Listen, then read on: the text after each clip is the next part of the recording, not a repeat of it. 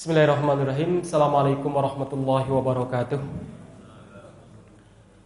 Innal hamdalillah nahmaduhu wa nasta'inuhu wa nastaghfiruh wa nastahdihi wa na'udzu billahi min syururi anfusina wa min sayyiati a'malina may yahdihillah fahuwal muhtadi wa may yudlilhu fala hadiyalah. Asyhadu an la ilaha illallah wa asyhadu anna Muhammadan abduhu wa rasuluh. Allahumma salli wa sallim ala nabiyyina Muhammadin wa ala alihi wa ashabihi mawalah. Rabbi syrah li sadri wa yassir li amri wa hlul 'uqdatam min lisani yafqahu qawli. Allahumma anfa'na bima 'allamtana wa 'allimna ma yanfa'una wa zidna ilman wa ba'd. Ayuhal ikhwan wal akhwat, Bapak-bapak, Ibu-ibu yang mudah-mudahan dirahmati Allah Subhanahu wa taala. Puji syukur yang sempurna hanya milik Allah Subhanahu wa taala, Rabb yang telah menciptakan kita dengan segala kesempurnaan yang Allah berikan kepada kita. Dialah Allah yang maha mampu atas segala sesuatu dialah Allah Subhanahu wa taala Rabbil alamin yang mengendalikan alam semesta yang mengatur alam semesta dan memberikan rizki siapa pun yang ada di alam semesta ini.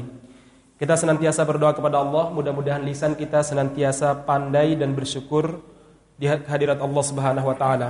Salawat dan salam mudah-mudahan tercurahkan kepada nabi kita Muhammad sallallahu alaihi wasallam kepada keluarga beliau, sahabat beliau dan siapa saja yang istiqomah di atas petunjuk beliau. Baik jemaah sekalian, kita masih di kajian kitab Kaifa Amalahum An-Nabi sallallahu alaihi wasallam. Bagaimana Rasulullah sallallahu alaihi wasallam berinteraksi, berkomunikasi dan membangun komunikasi dengan orang-orang di sekitar beliau, baik itu keluarga dekatnya, sahabatnya, anak-anaknya maupun uh, apa namanya? Uh, besan beliau ataupun mertua beliau bahkan sampai pada komunikasi beliau dengan musuh-musuhnya.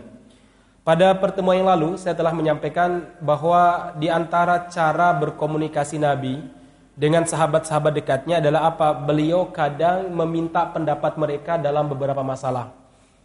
Artinya, ketika hal itu terkait dengan urusan dunia atau terkait dengan urusan politik, Nabi Muhammad SAW sering kali meminta pendapat para sahabat.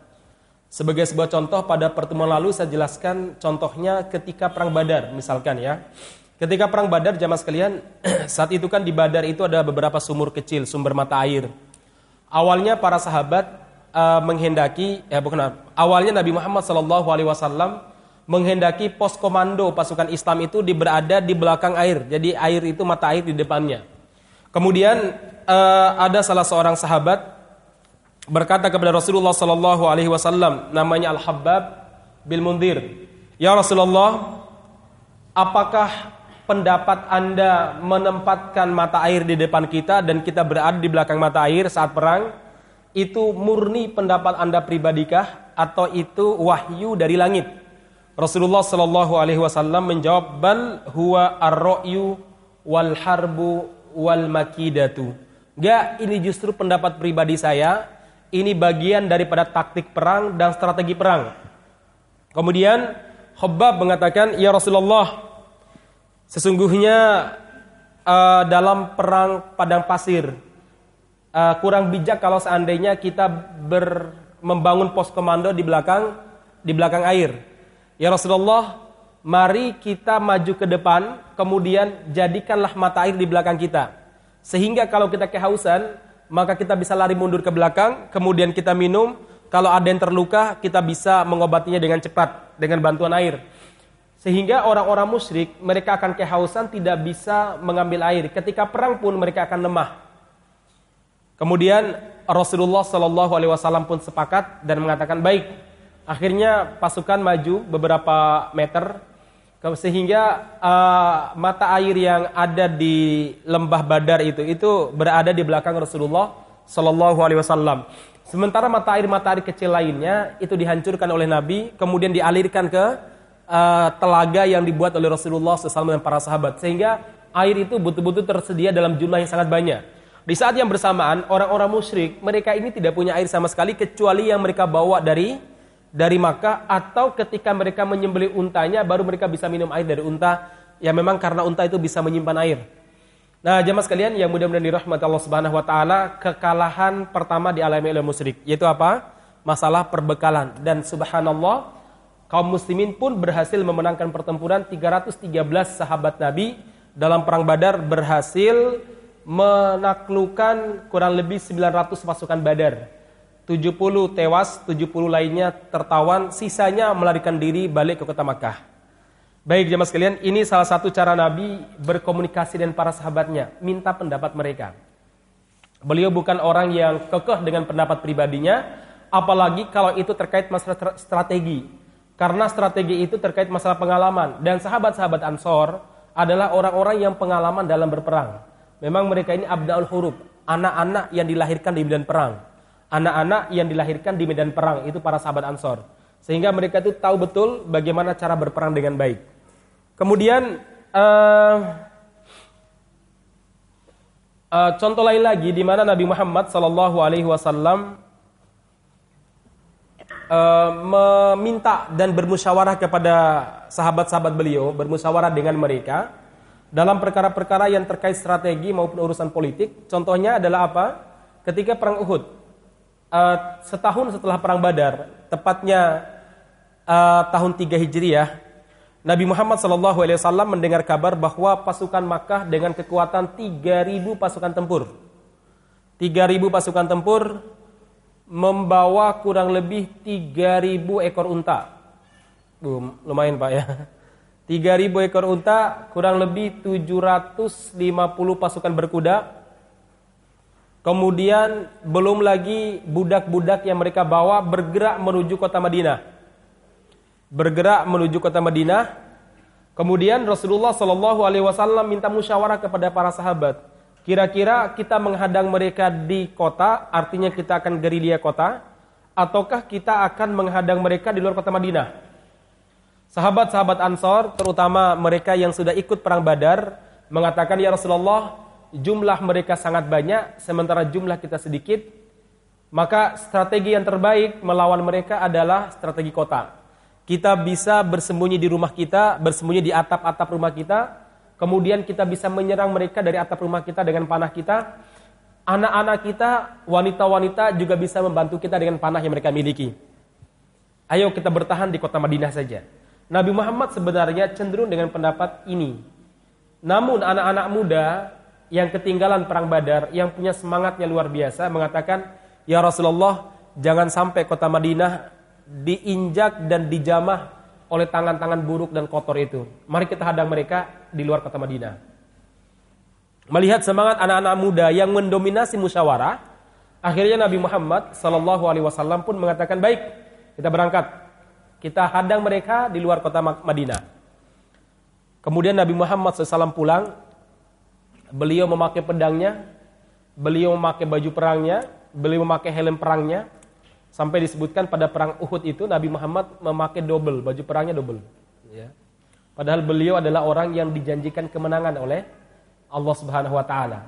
Tetap saja ikhtiarnya maksimal. Baju perangnya double jemaah sekalian. Nah, ada beberapa sahabat Ansor menangkap bahwa Nabi tidak suka perang di luar kota. Beliau lebih senang perang dalam dalam kota. Maka mereka berbilang begini, yuk kita nemuin Nabi, kalau memang beliau suka perang dalam kota, ya sudah dalam kota. Kita nggak usah keluar kota. Nah jemaah sekalian, akhirnya mereka pun menemui Rasulullah Sallallahu Alaihi Wasallam. Kemudian Nabi Muhammad keluar dari rumah menemui mereka. Ternyata apa? Nabi Muhammad SAW sudah memakai pakaian pakaian perang sudah sudah lengkap. Kemudian apa kata para sahabat Ansor? Ya Rasulullah, Sepertinya Anda lebih suka kalau kita perang kota. Kalau itu yang Anda inginkan, mari kita hadang mereka di kota Madinah saja. Anda ya Rasul tidak perlu ikut-ikutan, eh bukan ikutan. Anda tidak perlu terpengaruh dengan suara anak-anak muda yang tidak punya pengalaman berperang. Ayo, kalau memang Rasul punya kecenderungan untuk perang kota, kita perang kota saja. Kemudian Rasulullah Shallallahu Alaihi Wasallam menjawab, ma yang bagi nabiyyin an yad'a adatahu ba'da an labisaha hatta yahkumallahu bainahu wa baina aduwihi. Tidak layak bagi seorang nabi yang telah memakai peralatan peralatan perang untuk melepasnya melepaskannya kembali sampai Allah memutuskan antara dia dengan musuhnya. Apakah dia akan dimenangkan atau musuhnya akan dikalahkan? Ayo kita hadang mereka di luar kota. Akhirnya dihadanglah di luar kota yaitu tepatnya di bawah kaki bukit namanya Bukit Uhud. yang kemudian kita kenal dengan perang perang Uhud. Baik jemaah sekalian, uh, yang mudah-mudahan dirahmati Allah Subhanahu wa taala, ini cara Nabi berkomunikasi dengan sahabat-sahabat dekatnya. Ada lagi bahkan dalam urusan keluarga pun, kadang Nabi Muhammad Shallallahu alaihi wasallam meminta sahabat-sahabat untuk memberikan pendapat tentang permasalahan keluarga yang beliau hadapi. Sebagai sebuah contoh jemaah sekalian, dulu ada salah seorang uh, ibunda Aisyah radhiyallahu anha, ibunda Aisyah radhiyallahu anha itu kebetulan dalam sebuah peperangan beliau termasuk orang uh, termasuk istri beliau yang ikut Nabi. Jadi Nabi itu kalau mau keluar kota, terutama ketika perang atau sebuah perjalanan yang sangat panjang, biasanya beliau itu akan mengajak salah seorang dari istri mereka, istri beliau, dengan cara apa? Diundi. Ya. Siapa yang keluar namanya, maka dia akan menjadi orang yang mengikuti Nabi. Ya. Boleh nggak mengundi dengan cara seperti itu? Boleh. Ya, karena ini bukan mengundi nasib. Ya. Diundi dan pada saat itu yang keluar namanya Ibunda Aisyah radhiyallahu anha. Beliau pun keluar bersama dengan Rasulullah sallallahu alaihi wasallam berangkat untuk berjihad. Singkat cerita, baliklah dari peperangan. Kaum muslimin berhasil mengusir musuh. Tidak terjadi pertempuran, tapi mereka membawa gonimah yang lumayan karena musuh melarikan diri. Nah, jemaah sekalian, di tengah jalan Rasulullah Shallallahu Alaihi Wasallam meminta para sahabat untuk istirahat. Istirahatlah mereka dan sekedup. Dulu kan dipakaikan apa semacam sekedup ya. Uh, Aisyah itu dipakai sekedup, diturunkanlah jemaah sekalian. Diangkat, diturunkan sehingga ibunda Aisyah uh, bisa istirahat di bawah. Uh, saat itu tubuh beliau masih kurus, masih ya mungkin berapa kilo ya, 45 atau 50 lah. Karena masih sangat muda nggak begitu apa namanya nggak begitu berat bobot beliau. Beda kan kalau sudah nikah, apalagi usia nikahnya sudah 30 tahun atau 35 tahun, biasanya bertambah juga bobotnya ya. Bertambah usia nikah, bertambah juga bobotnya. Baik bapak atau ibu-ibu sama biasanya ya. Nah jamaah sekalian singkat cerita Ibunda Aisyah bilang saat itu bobot saya masih sangat ringan sekali. Kemudian saya keluar untuk kodol hajah, untuk buang air besar atau air kecil.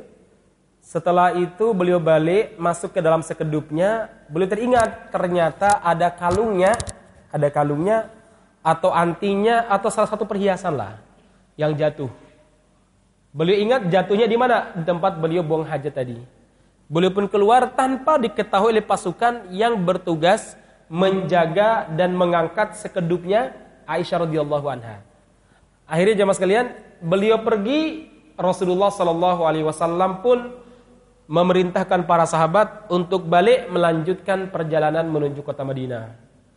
Lalu pasukan yang membawa unta ibunda Aisyah mengangkat sekedut tersebut dinaikkan ke atas unta dan mereka tidak merasakan karena memang uh, bobot beliau sangat ringan. Sekembalinya beliau dari mengambil antingnya tadi, ternyata tidak ada seorang pun yang tersisa. Beliau bingung mau teriak juga nggak mungkin kalau udah jauh. WA atau SMS nggak ada sinyal, nggak ada HP. Ya. Akhirnya beliau berpikir, sudahlah, saya akan istirahat di sini. Kebetulan ada sebuah pohon di situ. Nanti, nanti kalau Nabi merasa saya tidak ada, pasti akan datang ke sini atau mengutus pasukan untuk menjemputku. Sudah, beliau pun uh, duduk di bawah pohon sambil membuka apa namanya cadarnya. Kemudian beliau tertidur. Nah, saat beliau terbangun, tiba-tiba ada pasukan yang namanya Sofwan bin Mu'attal yang memang tugasnya adalah pasukan penyapu. Memang dia tertinggal karena memang pasukan penyapu. Beliau kaget melihat Ibunda Aisyah. Dia tahu karena Ibunda Aisyah sebelum turunnya ayat hijab pernah melihat Ibunda Aisyah radhiyallahu anha. Bukan karena melihat di foto profil Facebooknya ya. Tapi karena memang sebelum apa namanya? sebelum turun ayat hijab di mana istri Nabi harus nutup semua wajahnya, itu kaget. Aisyah, zaujun Nabi, Aisyah istri Nabi. Ibunda Aisyah hanya mengangguk saja, beliau kemudian menutup kembali wajahnya. Lalu Sofyan bin Mu'attal kebetulan beliau membawa seekor unta. Beliau pun menderumkan untanya. Setelah untanya itu sudah menderum, beliau mempersilahkan Ibunda Aisyah dengan isyarat untuk naik ke atas untanya tersebut tanpa satu kata kata pun. Berangkat, menyusul pasukan Nabi Muhammad SAW. Orang-orang begitu melihat dari kejauhan ada Sofwan bin Mu'attal membawa seorang akhwat, langsung pikirannya macam-macam. Siapa iki? Ternyata sampai di dekat beliau adalah ibunda Aisyah radhiyallahu anha. Nah, kebetulan di pasukan tersebut ada orang-orang munafik. Ternyata orang munafik pada zaman dulu ikut berjihad ya. Kalau munafik zaman sekarang itu benci jihad, jadi lebih parah zaman sekarang ya misalnya. Orang munafik zaman biyen ya masih peduli dengan dengan jihad. Orang munafik zaman sekarang memusuhi jihad malahan. Kalau sekarang sebenarnya bukan munafik lagi. Dalam bahasa para ulama sekarang itu namanya zindik. Zindik itu lebih dahsyat daripada munafik ya. Mereka menampakkan kebencian terhadap Islam, tapi kalau ditanya, "Kamu benci Islam?" "Enggak, saya cuma benci Arabnya," katanya. Kamu kenapa uh, membenci apa namanya? jilbab? Saya enggak benci jilbab. Cuma enggak layak dipakai di sekolah ataupun di kuliah. Itu hanya kepentingan pribadi. Kan gitu gaya mereka ya. Kalau orang-orang munafik itu mereka tidak menampakkan permusuhan terhadap Islam, menyembunyikan permusuhannya, tapi sok-sok apa namanya keceplosan, benci Islam itu keceplosan, sok-sok keceplosan. Kalau sekarang itu bukan keceplosan, memang sengaja untuk menyerang is menyerang Islam. Lihatlah para buzzer yang dibayar dengan 80 berapa? 80 M ya. Para buzzer itu, itu memang sengaja mereka ini dicipta, dididik untuk membenci syariat Islam dan membenci is, membenci Islam, membenci para ulama, membenci para aktivis. Nah, jemaah sekalian, singkat cerita, akhirnya gembong munafik Abdullah bin Ubay bin Salul merasa ini momentum yang sangat tepat untuk menyerang kepribadian Nabi Muhammad sallallahu alaihi wasallam. Dia pun menyebarkan isu bahwa ibunda Aisyah radhiyallahu anha selingkuh dengan Sofwan bin Mu'attal. Wah itu menyakitkan banget. Istri Nabi coba. Kalau kayak sekarang lah. Kalau terkait urusan ranjang, ada seorang ulama yang bermasalah ya. Itu kan ramai sekali dibicarakan. Ada ulama yang nikah lagi kayak Agim dulu, ramai sekali. Tapi ada politisi berzina berkali-kali santuy aja orang-orang itu ya. Ya begitu sekarang itu jamaah sekalian. Ada kader PDIP di mana di Bekasi saat rapat meninggal mohon maaf di pangkuan pelacur. Biasa aja. Biasa aja. Iya. Tapi ada ulama yang mungkin tadi karena poligami atau karena berpisah sama istrinya, wah dibahas sama dia. Ya. Begitulah orang-orang munafik seperti itu. Makanya Syekh Abdul Aziz At-Turaifi rahimahullah beliau ditanya oleh salah seorang presenter di sebuah televisi. Ini ulama hadis kontemporer ya, yang hafal kutubut tis'ah. Ya Syekh, bagaimana kita mengetahui orang munafik zaman sekarang? Apa kata beliau? Mereka adalah ketika musibah menimpa umat Islam, mereka akan diam membisu, mereka tidak akan bersuara. Tapi kalau ada kejadian yang menimpa orang-orang kafir, mereka akan menyalahkan umat Islam dan membela umat eh membela orang-orang kafir dengan sekuat-kuatnya. Itu ciri-ciri munafik kontemporer. Mereka mencari-cari kesalahan Islam, mencari-cari kesalahan para para ulama. Dicari kesalahannya. Apa kayak pernah uh, ke luar negeri, pernah ke Suria, pernah ke Afghanistan atau apa? Terus pokoknya dicari-cari sekarang. Kesalahan apa? Coba dilihat. Melanggar prokes enggak? Udah ditahan, eh ternyata enggak melanggar. Cari meneh, apa yo? Oh ternyata melakukan penipuan. Apa katanya penipuan? Karena tes apa namanya swabnya positif, tidak memberitahu, bukan mengatakan negatif, tidak memberitahu, katanya penipuan. Akhirnya apa? Kena 4 tahun, 5 bulan penjara. Penjara, ih ngeri. Habib Rizik ya. Jangan-jangan dolimnya luar biasa. Tapi sekali lagi Allah Subhanahu wa taala tidak pernah diam melihat hamba-hambanya yang didolimi. Apalagi kalau itu adalah keturunan Nabi wali Allah Subhanahu wa taala. Allah tidak akan diam. Allah Subhanahu wa taala pasti mengumumkan perang bagi mereka yang memusuhi wali-wali Allah Subhanahu wa taala. Allah berfirman dalam hadis qudsi, "Man 'adali waliyan faqad adantuhu bil harbi." Barang siapa memusuhi wali-waliku, maka aku umumkan perang terhadapnya. Maka aku umumkan perang terhadapnya. Ini kata Allah jemaah sekalian. Kata Allah Subhanahu wa taala. Baik, uh, jemaah sekalian. Nah, setelah itu tersebar di Madinah bahwa ibunda Aisyah selingkuh. itu yang membuat Nabi betul-betul terpukul sekali. Hingga suatu waktu beliau pun mengumpulkan beberapa sahabat yang dianggap sahabat-sahabat yang adil, bijak, orang-orang yang jujur.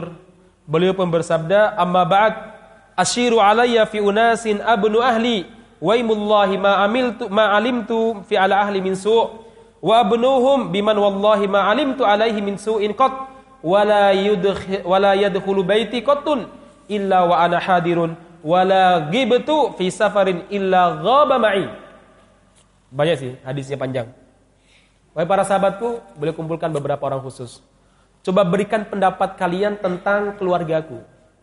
Demi Allah, saya tidak pernah mengetahui keburukan keluargaku. Maksudnya, aku jamin istri-istri tidak menyimpang.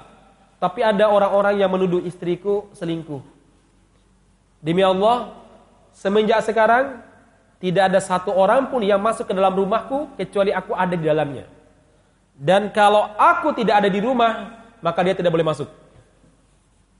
Akhirnya para sahabat memberikan persaksian, "Ya Rasulullah, demi Allah, sesungguhnya laki-laki yang baik itu dapatnya wanita yang baik. Engkau adalah sebaik-baiknya manusia dan istrimu termasuk ibunda Aisyah adalah wanita terbaik." Kemudian semua yang memberikan persaksian baik. Akhirnya turunlah ayat dari langit yang ketujuh dari aras yang mensucikan ibunda Aisyah radhiyallahu anha yang mengatakan bahwa itu hadithul ifki itu berita pal berita palsu. Allah mensucikan dari langit yang ketujuh. Maka ibunda Aisyah dikenal sebagai at-tahirah yaitu wanita yang disucikan dari langit yang ketujuh. Masya Allah ya. Ini uh, yang terjadi jamaah sekalian. Ternyata orang-orang munafik itu memang sukanya begitu, mencari-cari aib apa. Oh, Agim cerai sama istrinya. Oh, rame banget media masa itu. Kemudian apa? Anaknya diwawancari. Sebenarnya kenapa sih Bapak menceraikan apa?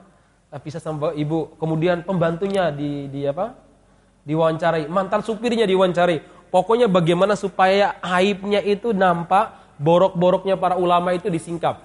Demi Allah, orang-orang seperti itu kata Nabi, barang siapa yattabi'a auratil muslimin yang suka mencari kesalahan para ulama, apalagi umat apalagi para wali Allah, maka Allah akan mencari-cari kesalahannya dan akan menyingkap auratnya, akan menyingkap apa namanya rahasianya walaupun itu terjadi di kamarnya, Allah akan tampakkan di hadapan manusia.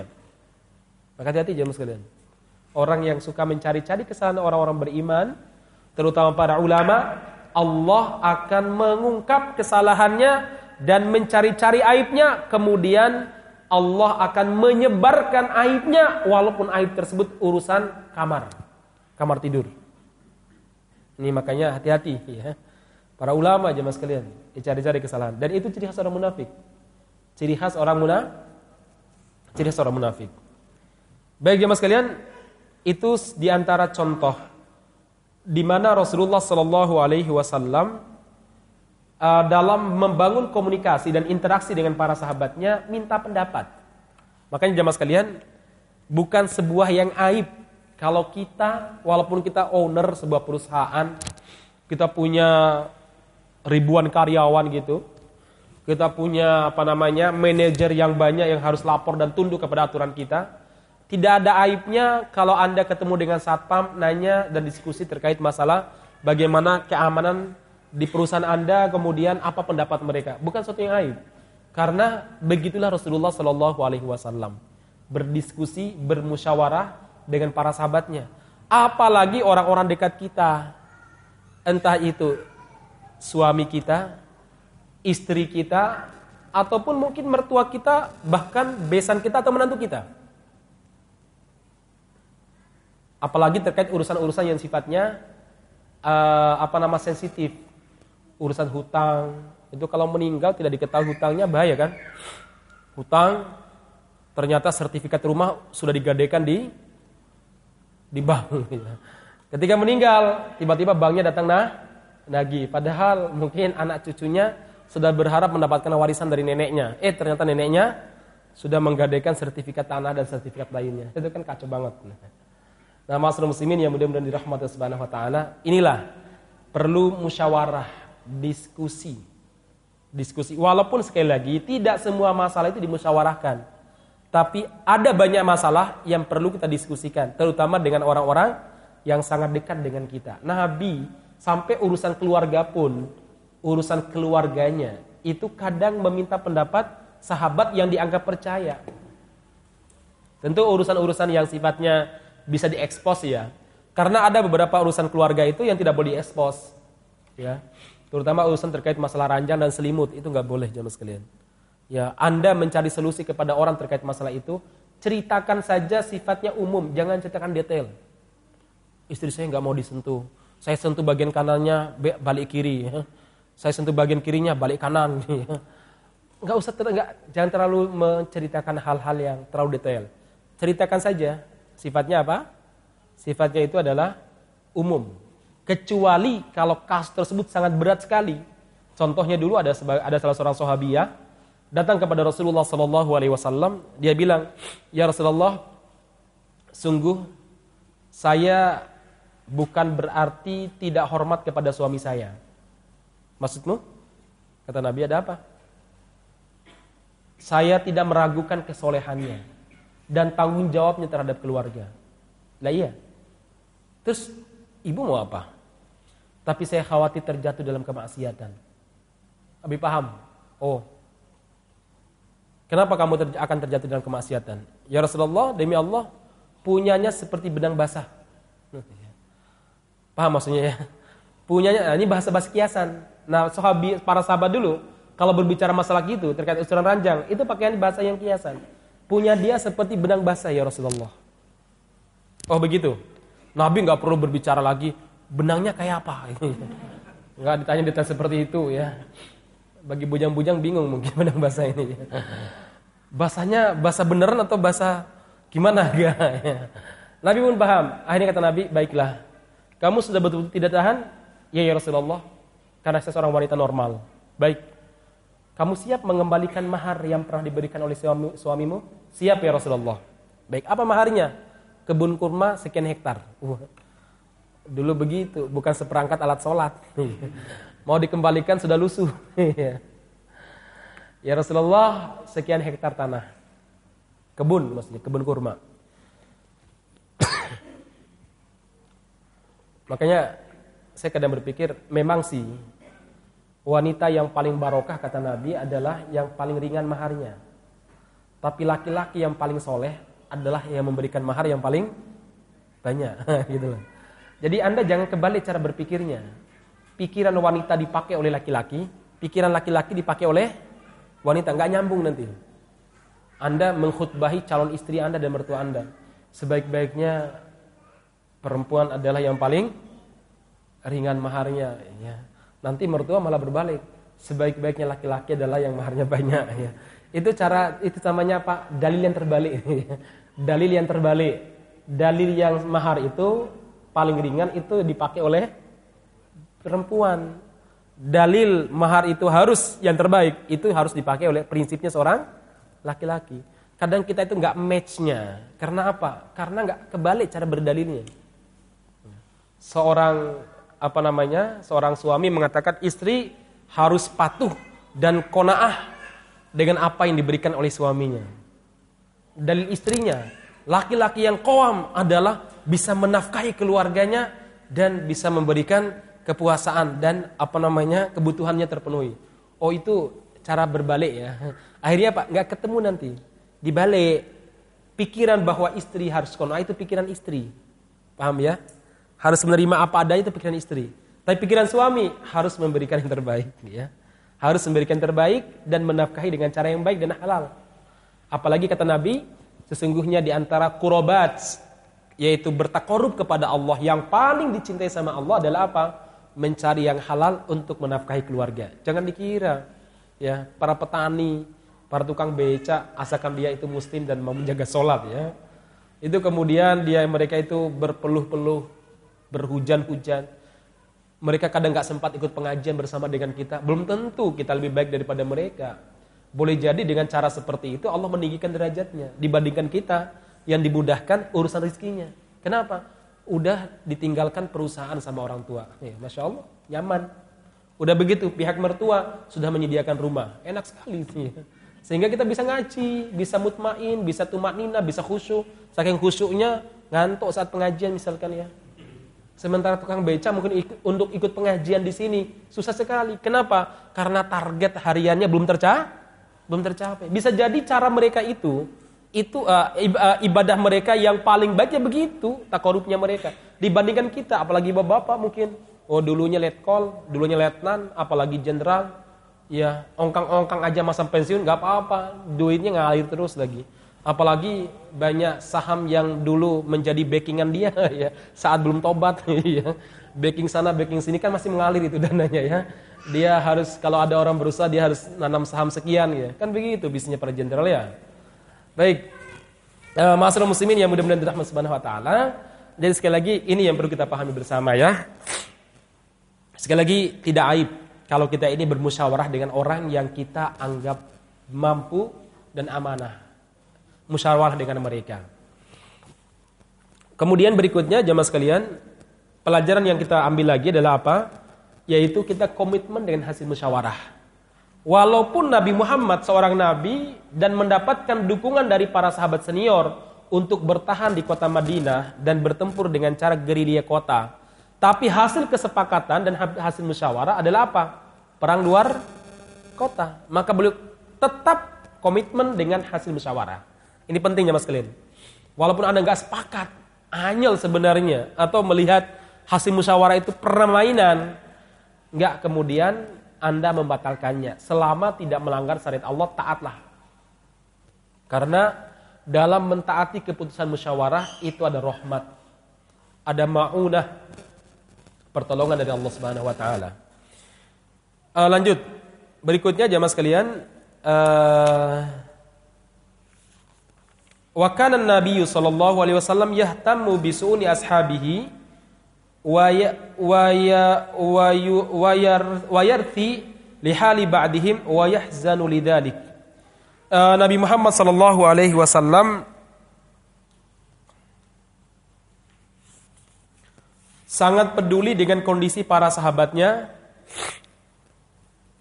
dan beliau bahkan bisa tahu detail kondisi sahabatnya. Misalkan sahabat ini uh, dia itu biasanya pakai bajunya apa aja. Oh kalau pakai baju gini jumatan. Kalau kaosan biasanya mau lari pagi. Kalau sepatu begini biasanya dia ingin jalan-jalan ke taman. Sampai Nabi itu paham, ya, masya Allah ya. Sampai segitu pedulinya Nabi Muhammad kepada para sahabat. Tahu betul kondisi para sahabat. Ini ada cerita, ceritanya Ali bin Abi Thalib radhiyallahu an. Suatu waktu di musim dingin, beliau cerita saya keluar dari rumah. Kenapa? Lapar menyiksa saya kata Ali saya ingin ke rumah Nabi. Mudah-mudahan di rumah mertuanya ada makanan. Nah, ya. Maka beliau berangkat. Di tengah jalan, beliau melihat ada orang Yahudi yang sedang memberi makan dan memberi minum ternak-ternaknya. Orang Yahudi itu kelihatan kaya. Maka Ali berdiri di belakang pintunya, di belakang pagarnya sambil nonton ke dalam. Akhirnya orang Yahudi bilang, ya Arabi. Emang orang Yahudi itu bahasanya kotor banget. Ahli dibilang Arabi. Eh, uang kampung bahasa kita sekarang ya. Ya Arabi, malak. Ngapain lihat sini? Mau. Setiap ember yang kamu bawa, saya akan kasih beberapa butir kurma. Oh, mau, mau kata Ali. Baik, dibukakanlah pintu. Akhirnya Ali menimbakan air untuk ternaknya. Dibawa, kemudian dikasih kurma. Kemudian beberapa ember air tersebut kurma lumayan, oh lu udah lumayan, cukup cukup, saya udah bisa kenyang dengan cara ini kata kata Ali. Akhirnya Ali pun membawa kurma tersebut, kemudian beliau duduk di pinggir uh, apa namanya di pinggir tembok, beliau makan dan mengambil air, beliau minum. Setelah itu beliau bawa sisa kurma ke rumah Nabi Muhammad Shallallahu Alaihi Wasallam.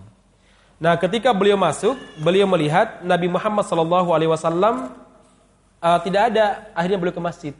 Ketika beliau masuk ke dalam masjid, ternyata Nabi Muhammad sedang duduk bersama dengan beberapa sahabat. Kemudian baru saja mereka duduk, maksudnya baru saja Ali bergabung untuk duduk, nampak dari kejauhan Mus'ab bin Umair. Mus'ab bin Umair dengan pakaian ala kadarnya. Pemuda yang dulu sangat di apa namanya uh, sangat menggoda dan dicintai oleh gadis-gadis Makkah. Sekarang kehidupannya ala kadarnya. Pakaiannya penuh dengan tambalan. Kemudian wajahnya penuh dengan debu. Yang dulu mungkin kalau zaman sekarang setiap pekan masuk apa skincare ya, bukan lagi salon ya. Selalu ditambal, diapakan segalanya itu nih. Ini sudah kasar kulit wajahnya. Kemudian sandalnya kelihatannya sudah sangat lusuh. Melihat kondisi tersebut, Nabi Muhammad Wasallam meneteskan air matanya. Kemudian jamaah sekalian, uh, beliau mengatakan sungguh Mus'ab dulu sebelum masuk Islam kita tahu bagaimana kenikmatan hidup yang beliau dapatkan. Fasilitas hidup yang diberikan oleh orang tuanya. Orang tuanya orang kaya. Disebutkan Mus'ab itu nggak pernah berjemuran di tengah teriknya matahari. Mus'ab itu nggak pernah kerja. Jadi tangannya itu halus banget kayak perempuan kemudian apalagi Mus'ab itu pakaiannya pakaian yang mewah dulu sebelum masuk Islam. Unta yang dinaiki unta merah. Kudanya kuda terbaik. Wangi yang beliau miliki semerbaknya 1-2 meter tercium semerbak wanginya jemaah sekalian. Setelah beliau masuk Islam, semua fasilitasnya ditarik oleh orang tuanya. Sehingga beliau sangat-sangat sederhana. Kemudian setelah itu Nabi Muhammad SAW bertanya kepada para sahabat yang hadir pada saat itu. Kaifa bikum idza ghada ah, ahadukum fi hillatin wa roha fi hillatin. Menurut kalian bagaimana suatu saat nanti kalian berangkat di pagi hari dalam keadaan berpakaian mewah, tunggangannya tunggangan terbaik, Pak sore harinya balik ke rumah, pakaiannya pakaian terbaik, kuda yang dipakai kuda terbaik, kemudian di tangan kalian semua tersajikan ada makanan macam-macam. Kemudian wasatartum buyutakum kalian pun bisa menghiasi rumah kalian dengan kain-kain bagus sebagaimana hari ini orang-orang menghiasi Ka'bah. Kira-kira kalau kalian merasakan kondisi seperti itu bagaimana? Apa jawaban sahabat? Ya Rasulullah, nahnu yauma idin khairun minna. Al yauma natafarragu lil ibadati wa fa al-maunata. Ya Rasulullah, demi Allah, kondisi yang Anda saya sebut Anda sebutkan tadi itu kondisi terbaik kami. Kami bisa fokus untuk ibadah, zikir tadi ya, ngaji, hafalan Al-Qur'an, duduk bisa tahajud bersama. Daripada sekarang ya Rasulullah mau zikir saja perut udah kosong ya. Udah lapar ya Rasul. Mau beribadah udah ada serangan dari musuh ya Rasulullah. Makanan kami tercukupi, keluarga kami tidak terlantar, itu lebih baik ya Rasulullah. Rasul pun tersenyum dan mengatakan, La antumul yauma khairun minkum yauma idin. Sungguh demi Allah, kondisi kalian hari ini lebih baik daripada kondisi kalian yang kalian gambarkan tadi yaitu kalian punya kedekatan dengan Allah Subhanahu wa taala, punya apa namanya? hati yang betul-betul halus. Nah, soalnya sering kali kekayaan, kemewahan hidup membuat hati seseorang tuh nggak peka. Ya. Kata Imam Malik sehingga saya, man tarabba fi afiyatin, orang yang dari kecilnya lahir dalam kondisi nyaman, aman, segala fasilitas hidup itu ada atau uh, banyak kebutuhannya terpenuhi, maka dia tidak bisa merasakan derita. Hatinya sangat susah untuk lembut. Ya. Karena terbiasa nyaman. Kan begitu jemaah sekalian. Maka kata siapa namanya? Kata Rasulullah, sungguh kalian hari ini hati kalian lebih peka. Kalian bisa berdoa dengan menangis kepada Allah Subhanahu wa taala dengan betul-betul serius. Kemudian kalian betul-betul menggantungkan hidup kalian hanya kepada Allah Subhanahu wa taala daripada nanti mungkin kalian menggantungkan hidup kalian dengan ATM misalnya sekarang ya. Dengan apa namanya? Dengan uh, dengan warisan orang tua atau mungkin dengan gaji di kantor atau dengan apalah. Kalau sekarang ada namanya apa? E-money ya. Mau digalakkan e-money. Sudah ada sih, tapi mau digalakkan lagi. Ke depan katanya orang itu mau beli bensin itu pakai e-money, Pak. Anda ke supermarket atau ke minimarket harus pakai e-money. Cukup HP Anda di apa? Di scan, udah. Jadi belanja Anda itu Anda nggak perlu bawa uang gitu. Bahkan parkir pun ke depan pakai e-money. Iya. Maunya mereka demikian. Kayaknya praktik sih ya. Tapi Anda hanya punya kartu. Anda nggak punya wujud bah, wujud barang. Nah uangnya yang mereka pakai buat bangun apa, buat modal apa, kayak kan begitu aja mas kalian. Bisnis apa namanya? Bisnis uh, virtual sekarang itu menguntungkan banget. Karena kita punya uang kita masuk ke rekening mereka, sementara mereka gampang mau pakai apa, untuk apa saja terserah mereka. Mau buat modal, mau buat bangun rumah atau apa. Ya kan nanti mengembalikannya bertahap kan. Beri ini kekacauan emani yang ada sekarang itu. Dan semuanya Yahudi yang bermain. Baik jemaah sekalian, jadi sekali lagi Rasul mengatakan justru kondisi kalian sekarang yang kelihatannya sengsara jauh lebih baik di mata Allah daripada kondisi kalian nanti. Masyarakat muslimin yang mudah-mudahan dirahmati Allah Subhanahu wa taala. Uh, ini beberapa hal, saya tambahkan satu lagi, sedikit aja. Uh, Nabi Muhammad Shallallahu alaihi wasallam tidak membiarkan para sahabatnya suudon kepada beliau atau merasa kecewa dengan beliau. Kalau ada sesuatu yang sifatnya miskomunikasi, maka Nabi akan segera mengklirkannya. Ini penting. Jangan biarkan masalah itu berlarut-larut.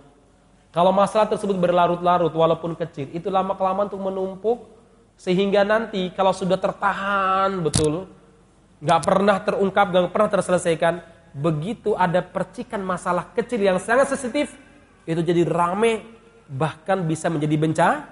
bencana. Maka jangan sisakan masalah, segera selesaikan. Itulah yang dilakukan oleh Nabi Muhammad Sallallahu Alaihi Wasallam. Suatu waktu ketika perang Hunain, Nabi Muhammad Sallallahu Alaihi Wasallam membagi gonimah keuntungan Hunain. Rata-rata yang diberi adalah orang-orang yang baru masuk Islam.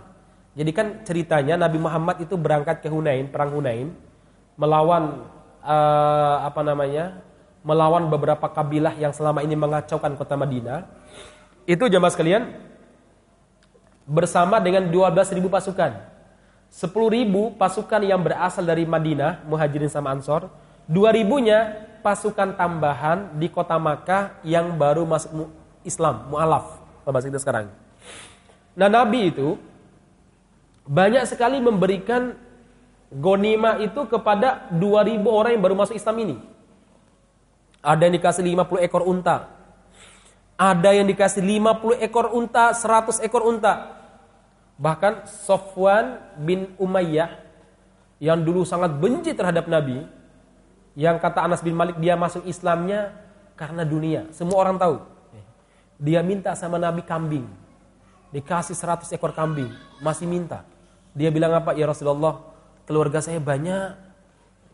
Ya, dikasih lagi 100 ekor 100 ekor kambing oleh Nabi. Masih minta. Ya Rasulullah, saya ini tokoh Tamu saya banyak.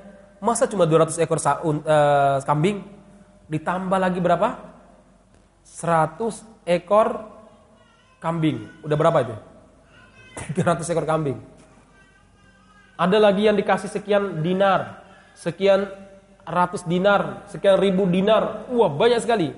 Sementara orang-orang muhajirin dan orang-orang ansor, pasukan yang beliau bawa dari kota Madinah, sepeser pun gak dikasih. Akhirnya terjadilah suudon di kalangan orang-orang Ansor. Muhammad, Nabi Muhammad lebih mengutamakan keluarganya yang baru ketemu, yang baru masuk Islam dibandingkan kita orang-orang Ansor yang tinggal bersama dengan beliau sekian tahun di kota Madinah. Akhirnya jemaah sekalian, Sa'ad bin Ubadah Sa'ad bin Ubadah itu siapa ya?